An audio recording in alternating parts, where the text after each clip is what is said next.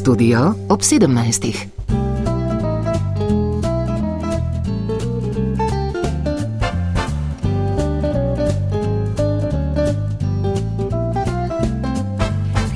Prijazen pozdrav tole petkovo popovdne, ko je čas, da se skupaj ozremo po dogodkih tega tedna. Izpostavljena in pomembna tema je zagotovo priprava izhodišč za reformo plačnega sistema v javni upravi, v katero so ta teden na koalicijskem vrhu na Brdu pri Kranju zagrizli koalicijski partnerji. Reforma se bo gradila po korakih več let. Robert Golop. Osnovna usmeritev je, da ne more več biti plač pod minimalno plačo, da se razredi temu prilagodijo. Smo v času, ko se tresajo vsi sistemi, kriza spodjeda socialno-ekonomsko varnost, tako pri nas kot v tujini, državljani svoje pravice vedno pogosteje zahtevajo na ulici. Veliko Britanijo je denimo v sredo zaradi nezadovoljstva s plačami in delovnimi pogoji v javnem sektorju zajela največja stavka v zadnjem desetletju. Više pokojnine je na sredinem protestu zahtevalo tudi nekaj tisoč upokojencev, ki so se na pobudo ene od skupin imenovane glas ljudstva zbrali pred parlamentom v Ljubljani, Igor Črnoga. In seveda takojšno povečanje za pokojnine od 1000 do 1500 evrov za najmanj 15 odstotkov. Vlada hiti s pripravo reform pokojninskega sistema, davčne politike in šolstva.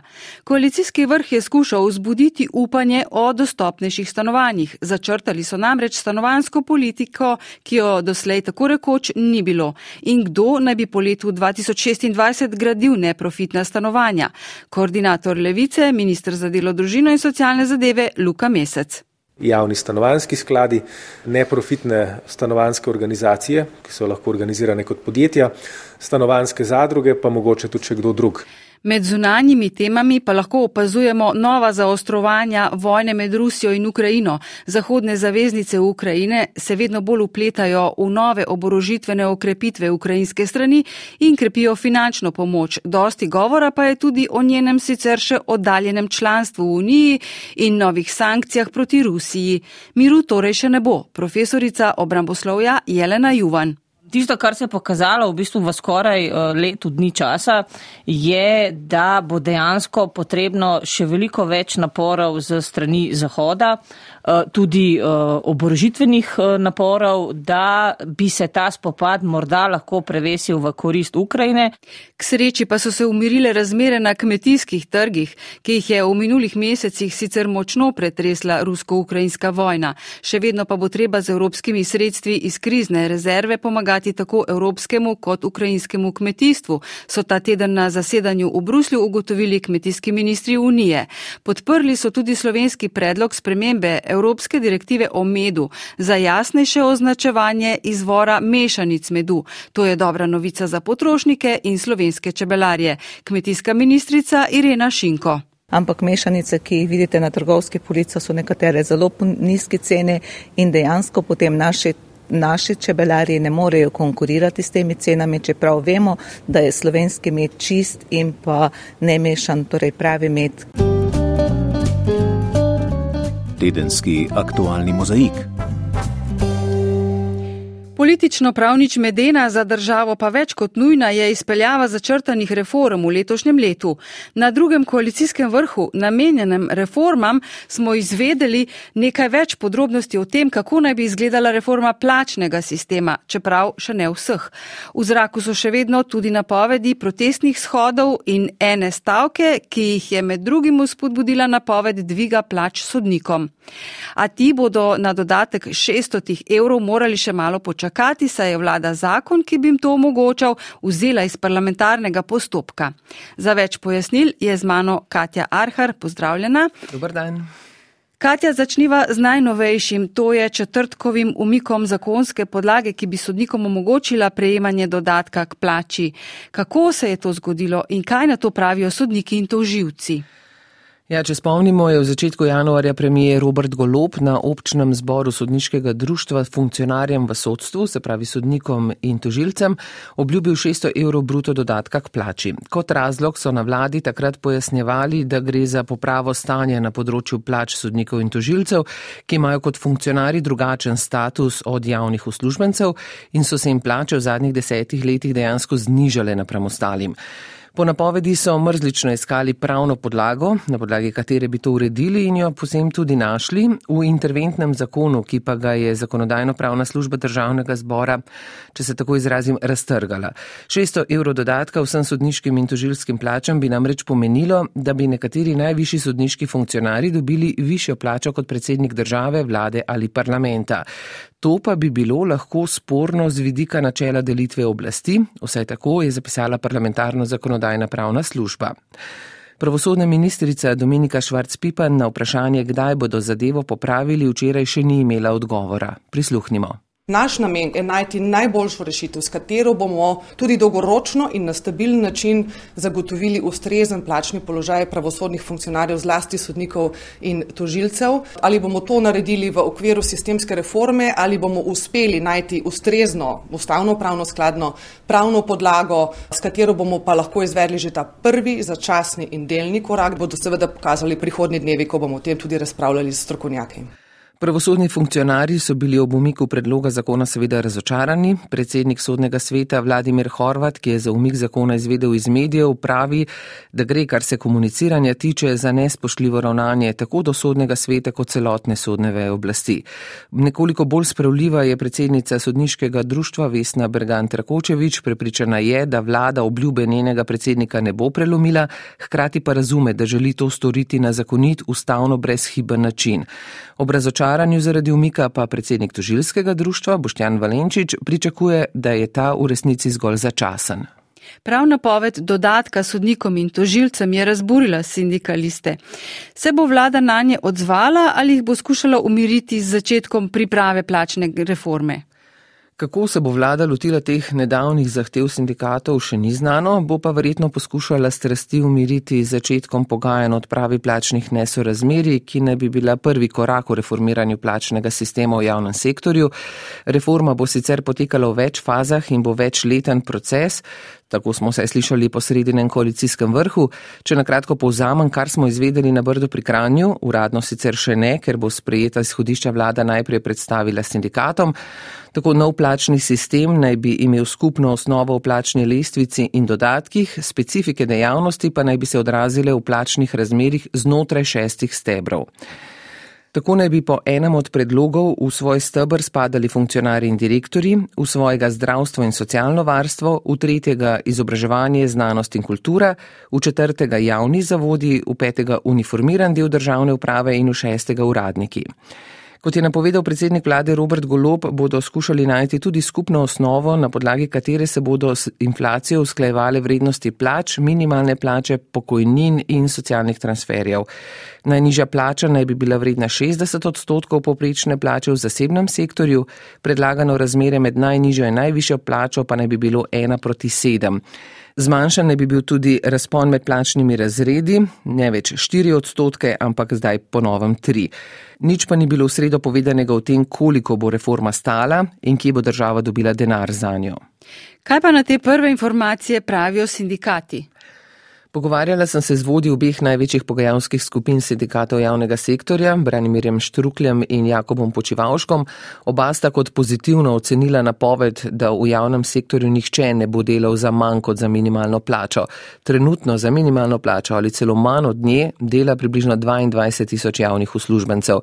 Prisluhnimo Branimirju Štruklju se sliši zelo dobro in seveda več kot sprejemljivo, še zlasti, kar se tiče rešitve enega ključnih problemov v plačnem sistemu, tega pritiska plač, ki se utapljajo v minimalni plači, napoved, da se bodo te plače dvignile nad minimalno plačo. Hkrati pa seveda se takoj postavi vprašanje, kako bo to izvedeno, da ne bi zdaj tisti, ki so bili nad minimalno plačo in bolje vrednoteni od teh, ki so zdaj bili utopljeni v minimalni plači, imeli enake plače, ne? ker to bo problem zgolj preneslo v sredino plačne lestvice.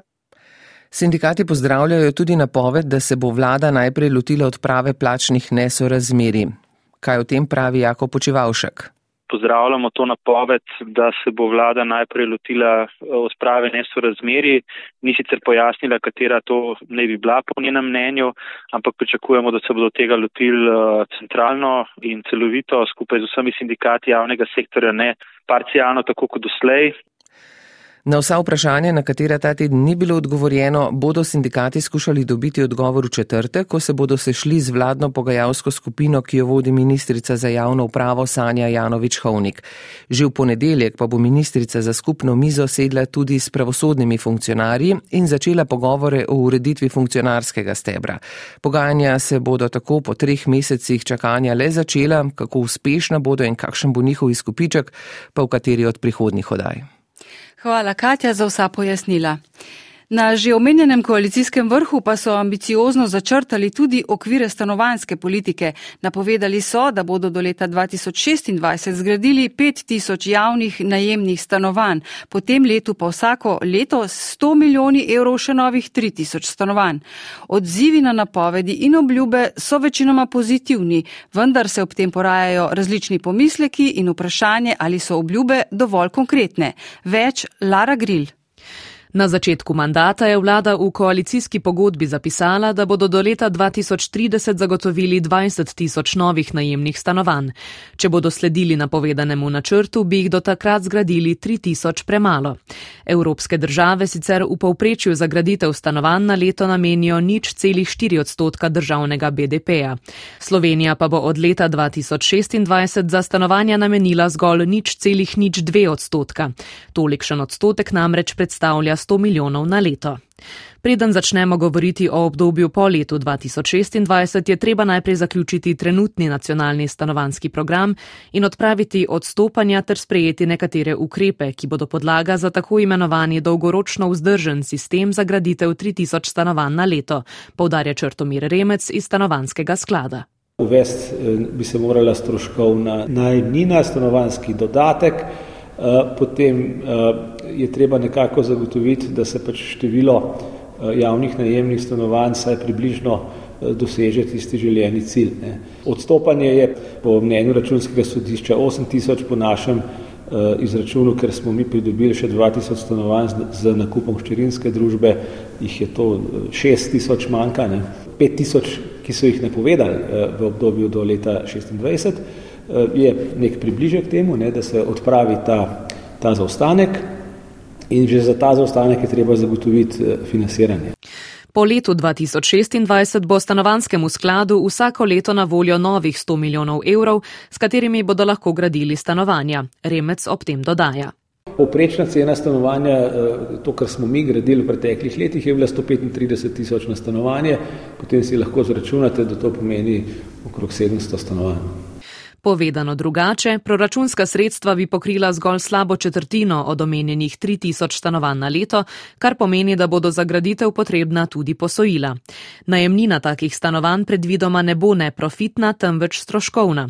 Po Remčevih besedah bi lahko leta 2026 v Ljubljani znašala od 5 evrov na kvadratni meter za socialno ogrožene do 9 evrov za finančno sposobne. Rok Ramšak iz Inštituta za študije stanovanj in prostora povdarja, da je to absolutno absolutno preveč. Jasne slike v Sloveniji žal nimamo, ne, ker je tudi raziskovanje tega področja bilo popolnoma zapostavljeno, ampak recimo na inštitutu smo letos uspeli eno raziskavo narediti um, in smo ugotovili, da v bistvu ljudem bi bilo še spremljivo oziroma možno plačevati maksimalno 7 evrov na kvadratni meter. Torej, to je neka izhodišna točka. Ampak tu recimo, da govorimo o nekem poprečju, absolutno imamo kupico ljudi, ki jim je tudi to preveč. Načrt sicer pozdravlja, ob tem pa meni, da je vladna obljuba premalo natančna. 100 milijonov leto je zelo, zelo abstraktna številka. Pomembno je, odkot točno bo prišla in čemu bo sploh namenjeno. Ne? Govorimo o nepovratnih sredstvih, kdo jih bo dobil, ali govorimo o poroštvih, ali govorimo o kreditih. Uh, vse to so zelo ključna vprašanja in dokler nimamo jasnih odgovorov na to, je zelo težko oceniti, kakšne učinke bodo imeli ti vladni predlogi. Načrt podpira tudi Boštjan Udovič z gospodarske zbornice, vendar. Gre še vedno za dogovor, ki je tudi v pretežnem delu ali pa tiste najpomembnejše točke so odmaknjene predvsem v prihodnost. In bo treba še počakati, da bomo lahko Eh, bolj konkretno ocenili te korake, ki so napovedani. Ne. Ramšaka skrbi, na kakšen način bo država izpeljala napovedane reforme. Po njegovem mnenju bi bila v tem kontekstu nujna tudi regulacija najemnega trga ter opolnomočenje stanovanskega sklada zagotovitvijo neodplačnih zemlišč nekdanje slabe banke, na katerih bi lahko gradili.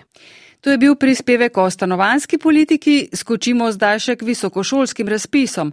Potem, ko je vlada z zakasnitvijo potrdila visokošolske razpise za novo šolsko leto 2023-2024, razlog je v financiranju dveh dodatnih študijskih programov psihologije na univerzah v Mariboru in Ljubljani ter radiološke tehnologije na zdravstveni fakulteti v Ljubljani, so tekom današnjega dne na spletni strani Ministrstva za visoko šolstvo in EVŠ vendarle pravočasno pravočasno objavili razpis za upis univerze. In zakaj kljub potrebam ni povečanega števila upisnih mest na medicino? Ministr za visoko šolstvo Igor Papič. Zdaj se je šele začela izgradnja nove fakultete in bo izredno težko za medicinsko fakulteto še nadaljne dvigovanje upisnih števil, dokler se seveda ne razreši prostorska stiska in pa zelo pomembno je tudi to, da se zagotovi ustrezno število mentorskih mest za klinično prakso v samem kliničnem centru. Tedenski aktualni mozaik. Slišali smo, kakšne ambiciozne načrte glede reform ima vlada. Zaradi zamud pri izvajanju dogovorjenih reform Slovenija zamuja pri črpanju nepovratnih evropskih sredstev iz sklada za okrevanje in odpornost. Evropska komisija je pri izplačilih stroga glede umestnih ciljev, ki jih Slovenija za zdaj še ni dosegla. Sloveniji pripada 1,5 milijarde nepovratnih sredstev, sprva je bil znesek 1,8 milijarde, vendar se je zaradi izjemne več kot 8 odstotne rasti po pandemičnem letu znižal za 300 milijonov. Zato je treba prilagoditi tudi program. To naj bi storili do maja, medtem pa še vedno čakamo na izplačilo prvega obroka nepovratnih sredstev v višini 50 milijonov. Komisija je pri oceni izpolnjevanja umestnih menikov zelo stroga, pravi Zdenka Bakalar. Milijardo in pol nepovratnih sredstev je treba porabiti do konca leta 2026.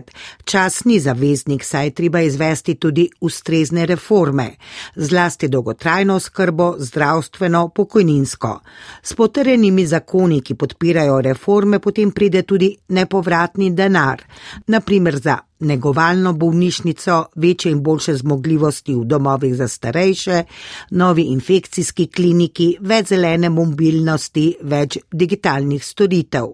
Črpanje je v desetih obrokih, v zadnjem se preverja, ali naprimer bolnišnica deluje.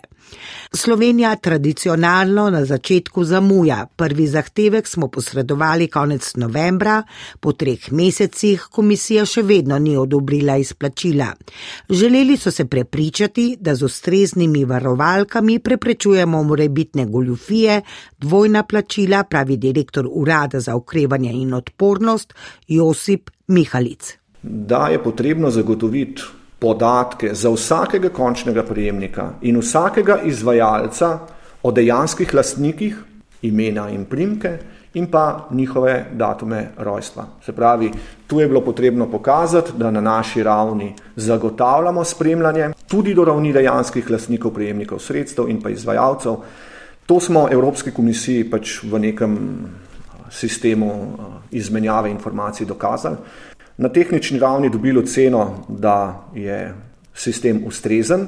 V vsakem primeru pa to zdaj pomeni, da se nadaljujejo postopki obravnave našega zahtevka s ciljem, da bi bilo povračilo sredstev iz proračuna EU realizirano nekje koncem marca ali pa bolj verjetno v začetku aprila tega leta. Zamujamo tudi z naslednjimi obroki, drugim, tretjim. Ali je glede na vse zaplete letos sploh pričakovati evropska izplačila? Mi načrtujemo vendarle, da bi še v letošnjem letu, v drugi polovici leta, pripravili drugi zahtevek. Drugi zahtevek si želimo, ali pa v tej fazi še načrtujemo, da bi bil sestavljen iz več obrokov. Sestavljen bi bil lahko iz obrokov 2 in 3 nepovratnih sredstev in pa iz prvega obroka povratnih sredstev. Zagotoviti bomo morali to, kar sem rekel eh, in je vezano na prvi zahtevek. se pravi avtomatizacijo naših postopkov za ugotavljanje eh, dejanskih lastnikov, prejemnikov sredstev in izvajalcev. Na drugi strani je pa vsebinski pogoj izpolnitev vseh menikov in ciljev za te obroke, ki sem jih navedel. Jasno je, da nekateri meniki in cilji ostajajo zelo tvegani, po časovnici izvanja, kot je eh, predvidena in so lahko eh, v ozadju tudi bistvene zamude v doseganju tega. Ker se je prvotni znesek znižal na milijardo in pol, bo treba prilagoditi tudi program naložb. Da bi se ognili še večjim zamudam, bodo izločili tiste, ki so najbolj tvegane.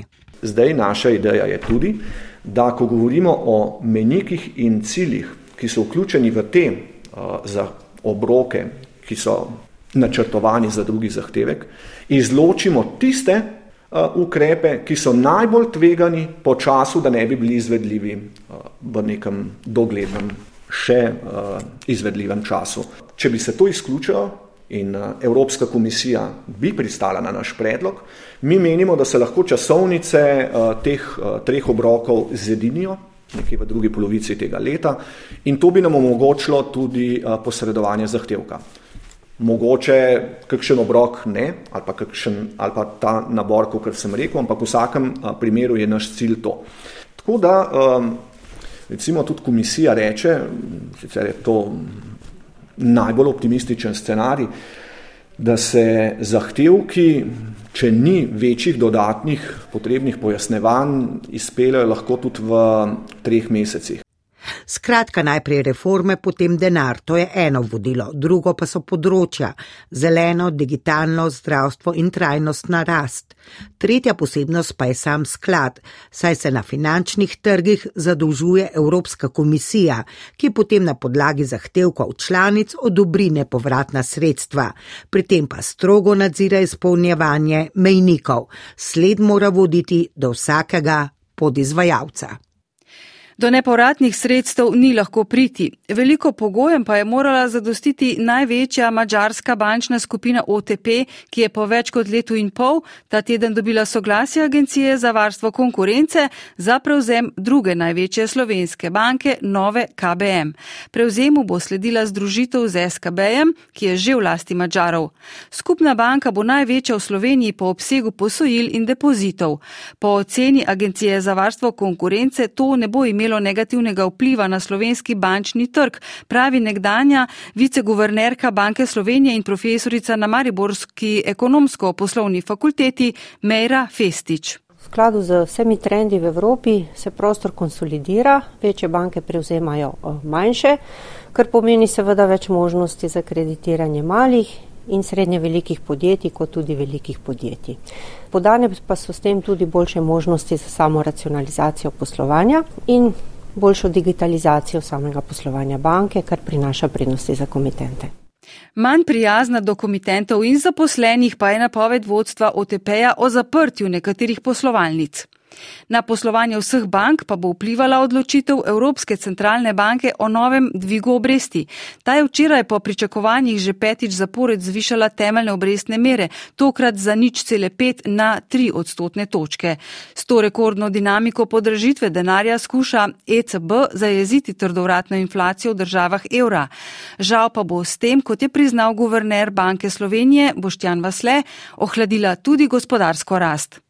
Prejšnja eh, četrtletja oziroma minula četrtletja so pokazala, da samo z dvigom obresnih mer do neutralne stopnje, to je tista stopnja, ki niti ne povečuje spodbuja gospodarske aktivnosti, niti je ne zavira, ni mogoče zaustaviti tako visoke inflacije, do katere je prišlo tudi zaradi teh enkratnih dogodkov, ruska agresija in posledice na, na trgih. Zato smo se odločili, da bomo z poviševanjem obrestnih mer eh, nadaljevali tudi v območje, ki bo že pomenilo eh, nekolikšno restriktivnost za gospodarsko rast. Tedenski aktualni mozaik. Zelo odmevna v tem tednu je bila aretacija dveh ruskih vohunov v Sloveniji. Ne, to ni bil prizor iz kakšnega filma. Agenti tujih obveščevalnih služb so resničnost v naši deželi, le da niso vsi javno razkrinkani. Slovenska obveščevalno-varnostna agencija je odkrila in v sodelovanju z nacionalnim preiskovalnim uradom priprla dva tuja državljana, ki sta obdolžena vohunjenja za Rusijo. Prijetje naj bi bilo dokaz, da naš sistem nacionalne varnosti deluje. Še vedno pa ni jasno, zakaj je primer, ki ga nekateri ocenjujejo za enega največjih uspehov Sove do zdaj, sploh prišel v javnost. Zanimiva pa je tudi neodločenost zunanjega ministrstva, kjer v zvezi s tem ne vodijo nobenih aktivnosti. Prav tako še vedno niso na pogovor poklicali ruskega veleposlanika pri nas. Več pa Robert Škarjanc. Tuja državljana, ki sta se v Sloveniji predstavljala kot 38-letni par iz Argentine, za krinko pa sta jima služila računalniško podjetje in galerija, je Sovo v sodelovanju z NPU aretirala v začetku lanskega decembra. Šlo naj bi za speča agenta, ki sta se na svojo dejavnost dal časa pripravljala, saj sta krinko gradila sedem let in ustvarjala videz poprečnega para, ki se preživlja s podjetništvom. Pri poslovanju sta bila neupodljiva, sredstev iz javnih financ nista prijemala, imela sta poravnane davčne obveznosti in z davčnimi oazami nista poslovala. In odkrivanje takih spečih agentov je najtežje, pravi državni sekretar za nacionalno in mednarodno varnost Andrej Benedejčič. Če se izkaže, da gre dejansko za to, o čemer smo skoraj da prepričani, da gre, bo to vsekakor en večjih uspehov Slovenske obveščevalno-varnostne agencije, odkar obstaja. Jaz se ne bi zdaj spuščal v, v takšne detalje, rekel bi le, da je ta, bom rekel, tip obveščevalcev izredno težko odkriti. A to ne pomeni, da do zdaj Sova še ni ujela nobenega tujega agenta. Je pa res, da vsaj naše toživstvo vohunstva še ni uradno preganjalo. To vrstne razkritja pa so se praviloma reševala po skritih diplomatskih poteh. Da je zadeva prišla v javnost, je presenetila tudi nekdanjega šefa Sove Andreja Rupnika. Vendar pa v primeru, ko uh, je to v bistvu skrajni ukrep, se sveda to lahko tudi javno razglasine. Uh, zdaj, ko pride do tega, da se odkrije nek eh, tuj vohun, se običajno uh, v bistvu te zadeve peljejo na način, da uh, se poskuša najprej ugotoviti, kaj pravzaprav so te osebi, ki so vohun vohunile v Sloveniji počele. In potem sledi cela vrsta v bistvu potencijalnih uh, odločitev, uh, pri katerih je vselej potem ena od odločitev uh, ta, da se poskuša v bistvu te uh, vohune pridobiti za sodelovanje. Če to ne gre, se potem v bistvu poslužijo drugih, drugih metod uh, in ta skrajna metoda je v bistvu ta, da se potem te ljudi kazensko procesira. Evropski poslanec in nekdavni državni sekretar na obramnem ministrstvu Klemen Grošelj pa glede razkritja pravi. Tukaj je to šlo v javnost, verjetno s premislekom in z določenim političnim ciljem. Imate poveščevalne dejavnosti, ki nikoli ne pridajo v javnost in to so tiste, ki so običajno najbolj uspešne, najbolj učinkovite in v cilju interesu države. Lahko pa da gre za sledenje spremembam načinu, kako evropske države izvajajo svoje protibeščevalne operacije. Kot opozarja bruselski portal Politico, je vse manj pometanja tovrstnih primerov pod preprogo in vse več odmevnih razkritij in pregona. Cilj tega je opozoriti evropske državljane na grožnje, s katerimi se spopadajo in jih s tem, kot pravi tudi predstavnica katedre za obramboslovje Jelena Juvan, prebuditi iz lažnega občutka varnosti. Hkrati pa Moskvi otežiti zanikanje delovanja njene obveščevalne službe. Gre tudi za nekakšno sporočilo tako Rusiji kot tudi zahodnim državam, da je Slovenija kredibilna zaveznica, ki je sposobna na lastnem ozemlju odkrivati delovanje takšnih agentov. Ni pa še jasno, zakaj v vladi najbolj do ruskih interesov razumevajoča zunanja ministrica na zagovor še ni poklicala ruskega veleposlanika, saj sta ruska agenta delovala v nasprotju s slovenskimi interesi. Takoj po razkritju zunanja ministrica Tanja Fajon sicer takole. V tem trenutku nimamo um, nobene aktivnosti povezane z aretacijo, da bi govorili ali z ruskim veleposlanikom ali pošiljali protestno noto. Še enkrat pa zadeva je resna, preiskava poteka, organi pregona jo primerno naslavljajo, mi pa smo o tem redno obveščeni. Zvečer potem le nekoliko bolj konkretno. Osumljena sta po najnovejših informacijah pripadnika ruske obveščevalne službe, imela sta lažno identiteto, delovala sta na območju Republike Slovenije in v nasprotju z nacionalnimi interesi Slovenije. A se še vedno ni odločila, da na zagovor na mladiko pokliče ruskega veleposlanika v Sloveniji Timurja Ajvazova.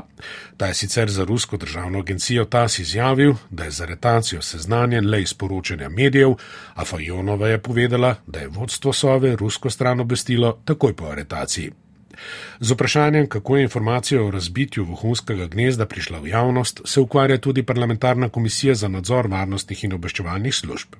Včeraj je tako opravila nenapovedan nadzor na Sovi, kjer so, glede na sporočilo državnega zbora, preverjali tudi tehniko, s katero agencija pridobiva podatke.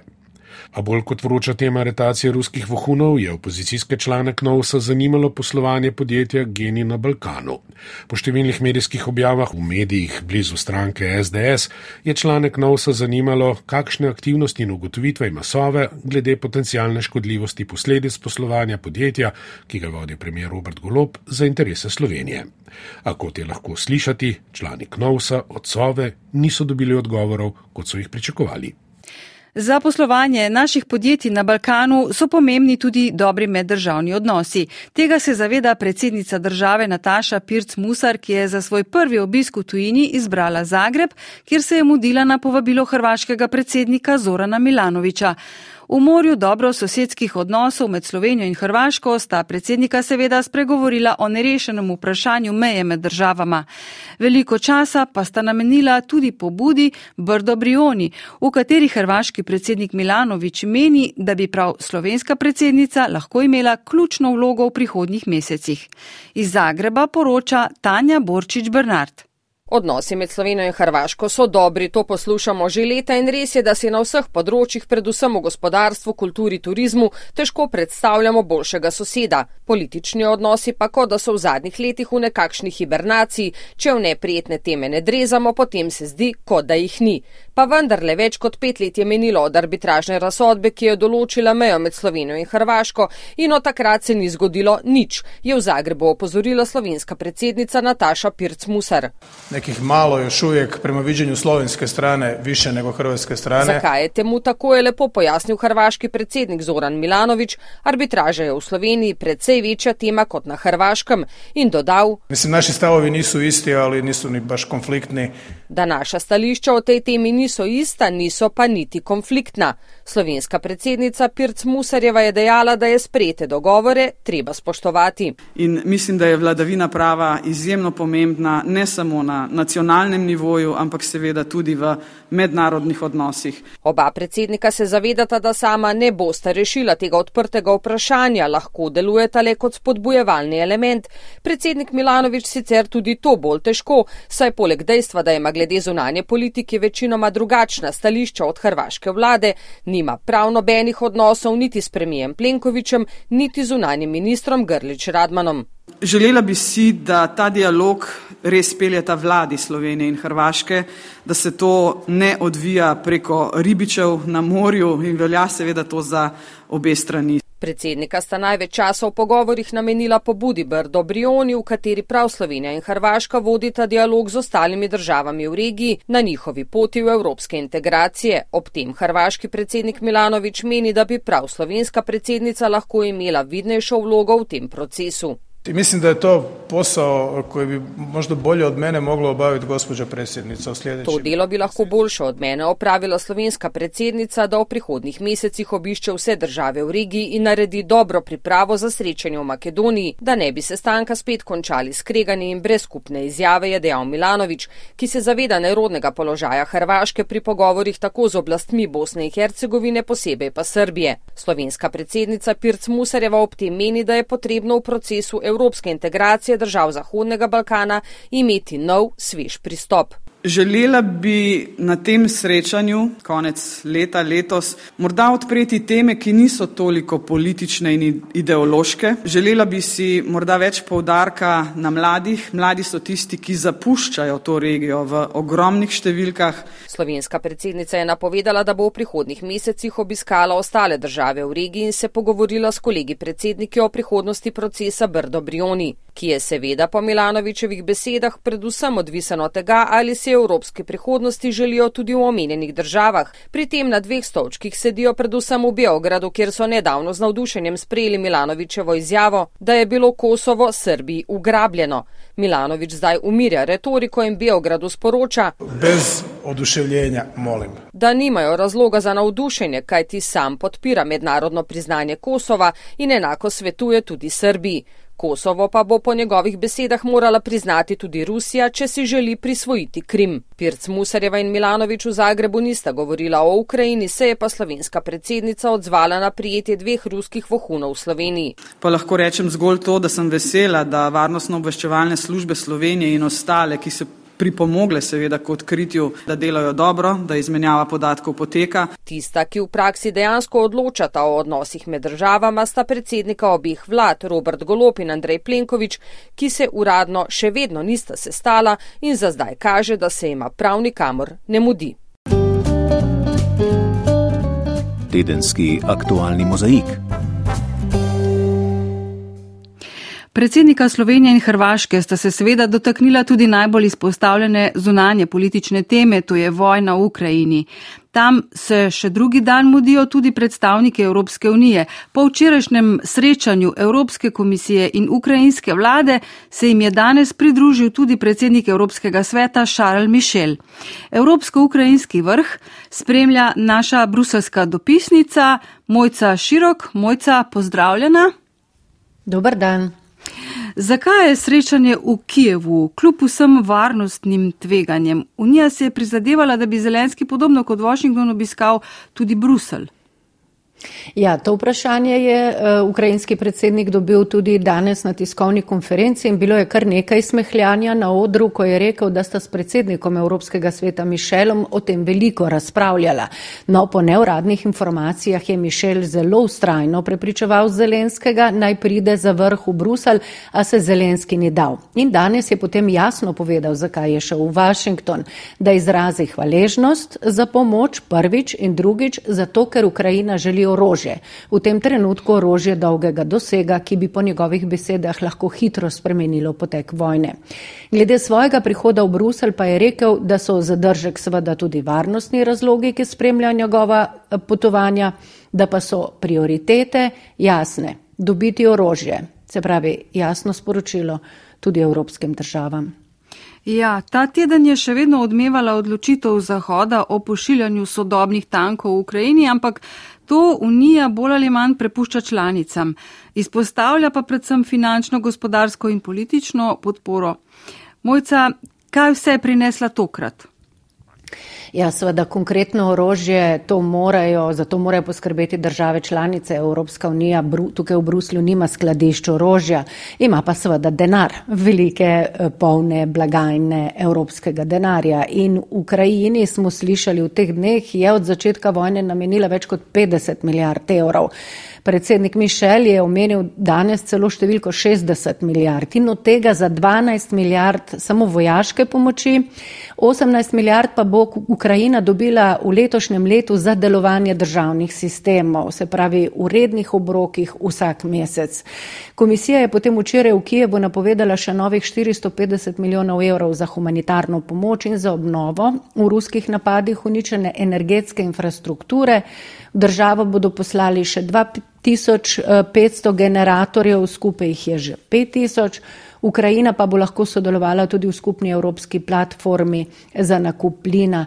Zanimivo mogoče omeniti tudi to, da so se pogovarjali in tudi javno objavili o um, kaznovanju Rusije za dejanje agresije in sicer bodo za pregon kaznivega dejanja agresije uh, ustanovili mednarodni center, ki bo imel sedež v Hagu in ki bo predvsem usklajeval zbiranje dokazov o ruskih vojnih zločinih v Ukrajini. Ja, povedala si, eh, kakšen je v tej zgodbi pomen um, orožja, kakšen je pomen denarja. Ko gre za politično podporo, pa je Ukrajina pričakovala tudi napredek pri približevanju Uniji, eh, potem, ko je med vojno postala kandidatka za članstvo. Ali je tu sploh možen napredek, dokler je država v vojni?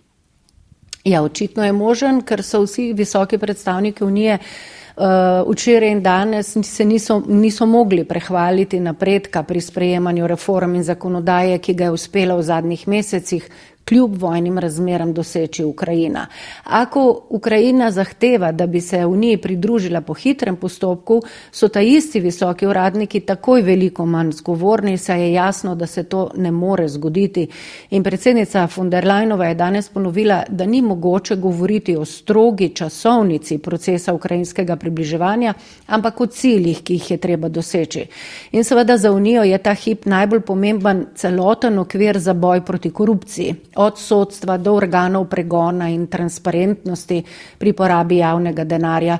Saj se v Ukrajino stekajo milijarde evropskega denarja, kot sem rekla, a kot je znano, Ukrajina je imela velike težave s korupcijo že pred vojno. V vojni pa, kot vemo, korupcija naravnost cveti. Hm. Manj zadržkov pa je, ko gre za sankcije proti Rusiji. Evropska unija je tedni podaljšala gospodarske sankcije proti Rusiji in med obiskom v Kijevu napovedala nov svežen sankcij. Kaj konkretno dodaja k dosedanjim ukrepom?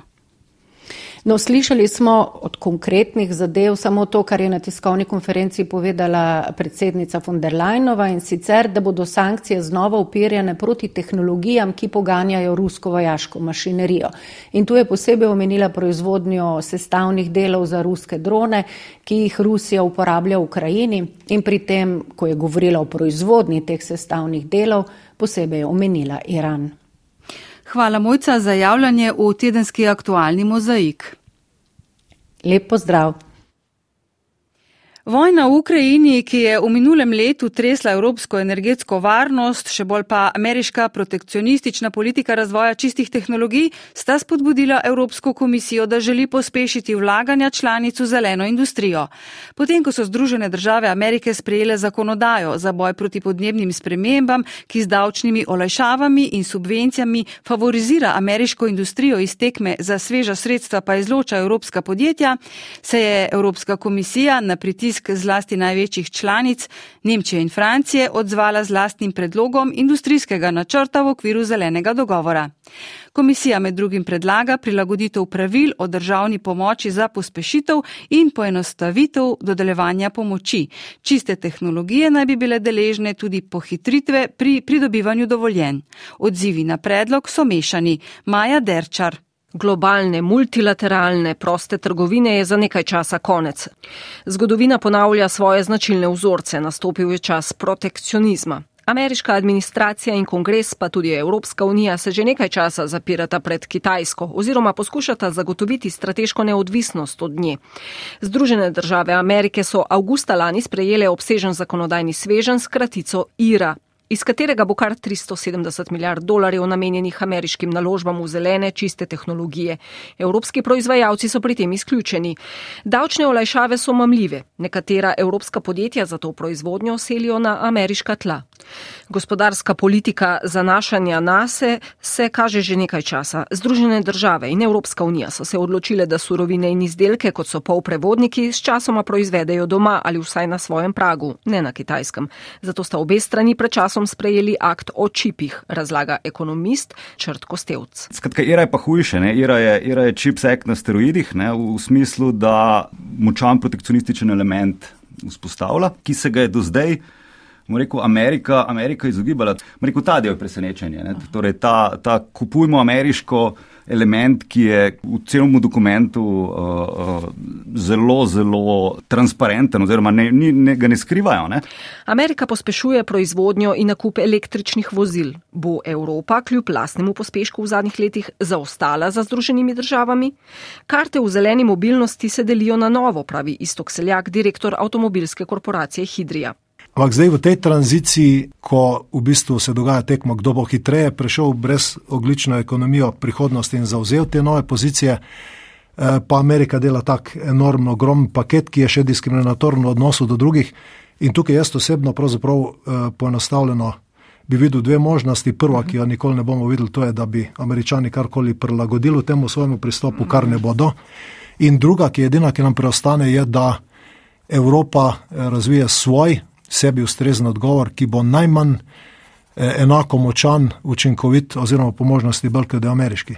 V tem tednu je Ursula von der Leyen v imenu Evropske komisije predstavila predlog za pospešitev zelenih vlaganj v Evropi. Ker pazi na notranji trg, ne more obljubiti davčnih olajšav po ameriškem vzoru. Lahko pa ključnim zelenim tehnologijam začasno zagotovi lažji dostop do finančnih pomoči in dovoljen. Državni sekretar na Ministrstvu za gospodarstvo Mateuš Frangeš. Torej, ne želimo divjega eh, zahoda ali bolje rečeno divjega vzhoda tekme, vendarle pa mislim, da je čas za to in Evropa to resnici na ljubo vzpostavlja tako z uh, strateškim dokumentom o torej, zelenem industrijskem načrtu za, za brezoglično uh, dobo, uh, kot tudi z vzvodi, ki jih je vzpostavila v času od COVID-a naprej. Skratka, gre za posebej dizajnirane ukrepe, vzvode, ki pripeljejo do uh, spodbud v strateško pomembnih industrijah. In vodja predstavništva Evropske komisije v Sloveniji Jrneja Jukjerše kaj je cilj. Cilj je um, boljše podporno okolje za proizvodnje zmogljivosti tehnologij in izdelkov z neto ničelno stopnjo emisij. In kaj to konkretno pomeni? Pomeni štiri stebre. Regulativa, zrahljanje državnih pomoči, zasnova neodvisnega sklada, krepitev veščin in sklepanje trgovinskih sporazumov. To je med drugim vključeno v štiri stebre. Kritike, ki prihajajo z konzervativnega, liberalnega in socialističnega pola, pa se glasijo različno. Načrt je prepozen, Evropa še vedno duši svojo industrijo s predpisanimi mejami izpustov, pomoč je namenjena preosko le nekaterim segmentom, v načrtu ni nobene dodane vrednosti, nobenih zares novih sredstev, ameriška ira ima veliko več moči, evropski načrt je brez obi tiger, v njem ni nobene socialne komponente, pa tudi. Končno, Evropa vendarle počne nekaj. Prihodnji teden se bodo na to temo sestali voditelji držav.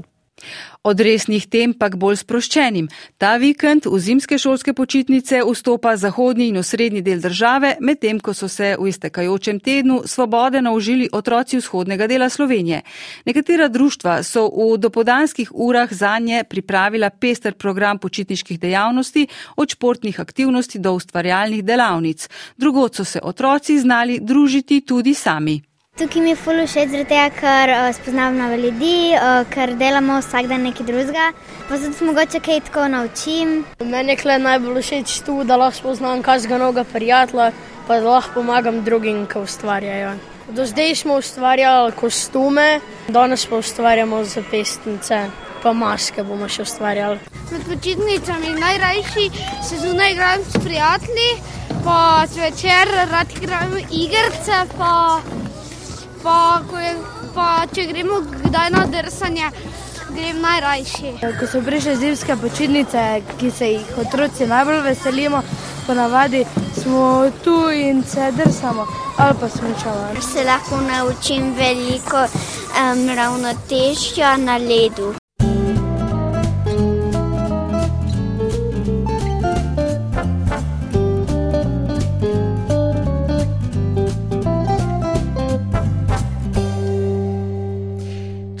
Tedenski aktualni mozaik, v ospredju pa reforma plačnega sistema v javnem sektorju. Z željo, da bi kljub vsakdanjim izzivom znali videti in se kot otroci veseliti majhnih prijetnih doživeti in sproščenih družen, se za danes poslavljamo. Odajo so pripravili novinarji, komentatorji in dopisniki iz tujine, vodila sem jo Jrnej Kadrolec. Urednica odaje je Erika Štular, tehnična izvedba Vojko Kokot. V ponedeljek bomo v studiu ob 17. govorili o počitnicah za vse tudi za otroke iz socialno šibkih okolij, otroke s posebnimi potrebami in druge. Z vami bo Eva Lipovšek z zanimivimi gosti. Hvala za pozornost in srečno!